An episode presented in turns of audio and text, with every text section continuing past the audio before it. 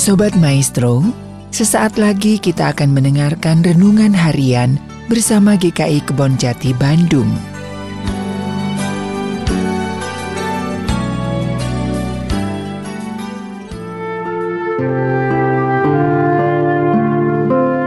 Shalom Bapak Ibu dan Saudara-saudari yang terkasih dalam Tuhan Yesus Kristus. Tema hari ini adalah pengalaman pribadi terambil dari satu Petrus pasal yang pertama ayat yang ketujuh demikian. Jika diperlukan, engkau sangat menderita melalui berbagai pencobaan. Bahwa ujian atas imanmu itu jauh lebih berharga daripada emas yang dapat binasa. Sekalipun diuji dengan api yang akan mendapatkan pujian dan kehormatan dan kemuliaan pada hari penampakan Yesus Kristus. Demikianlah firman Tuhan. Di dalam kehidupan kita sehari-hari ada sebuah pertanyaan.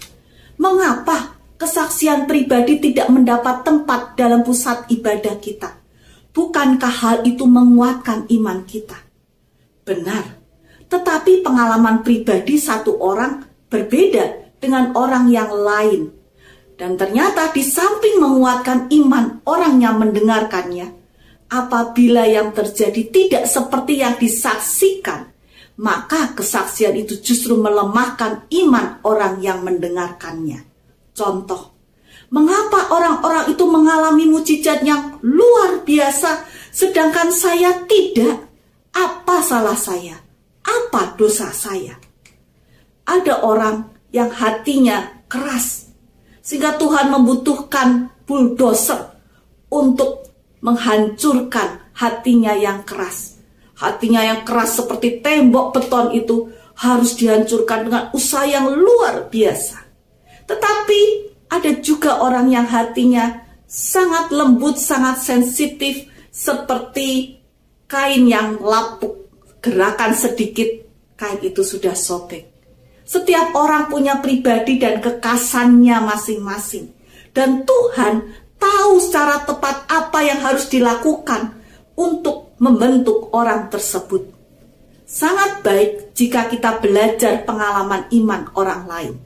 Tetapi kita jangan iri ataupun juga frustasi atau juga patah semangat ataupun juga marah ketika kita tidak mengalami persis seperti apa yang orang lain alami. Iman tidak boleh menjadi iman yang copy paste persis seperti orang lain. Tidak. Iman juga bukan berarti iman saya adalah iman katanya. Iman harus menjadi sesuatu hal yang otentik, khas dari hidup kita sendiri. Iman juga bukan soal perasaan ataupun juga pikiran, tetapi ia harus eksistensial. Artinya iman yang memberikan makna dan tujuan di dalam hidup kita seperti apa.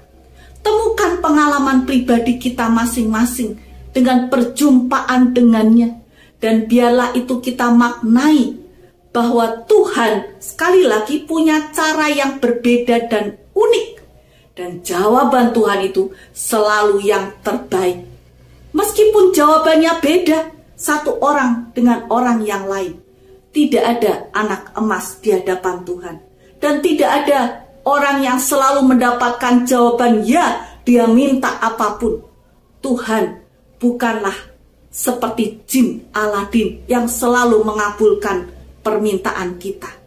Tetapi mari kita menyerahkan setiap permohonan kita kepada Tuhan dan kita yakini Tuhan selalu memberikan jawaban yang terbaik.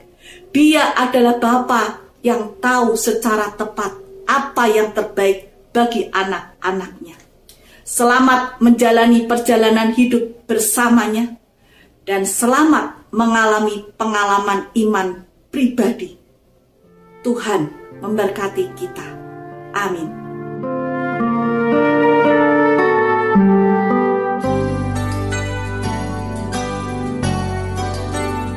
Sobat Maestro, Baru saja Anda mendengarkan renungan harian bersama GKI Kebon Jati Bandung. Tuhan Yesus memberkati.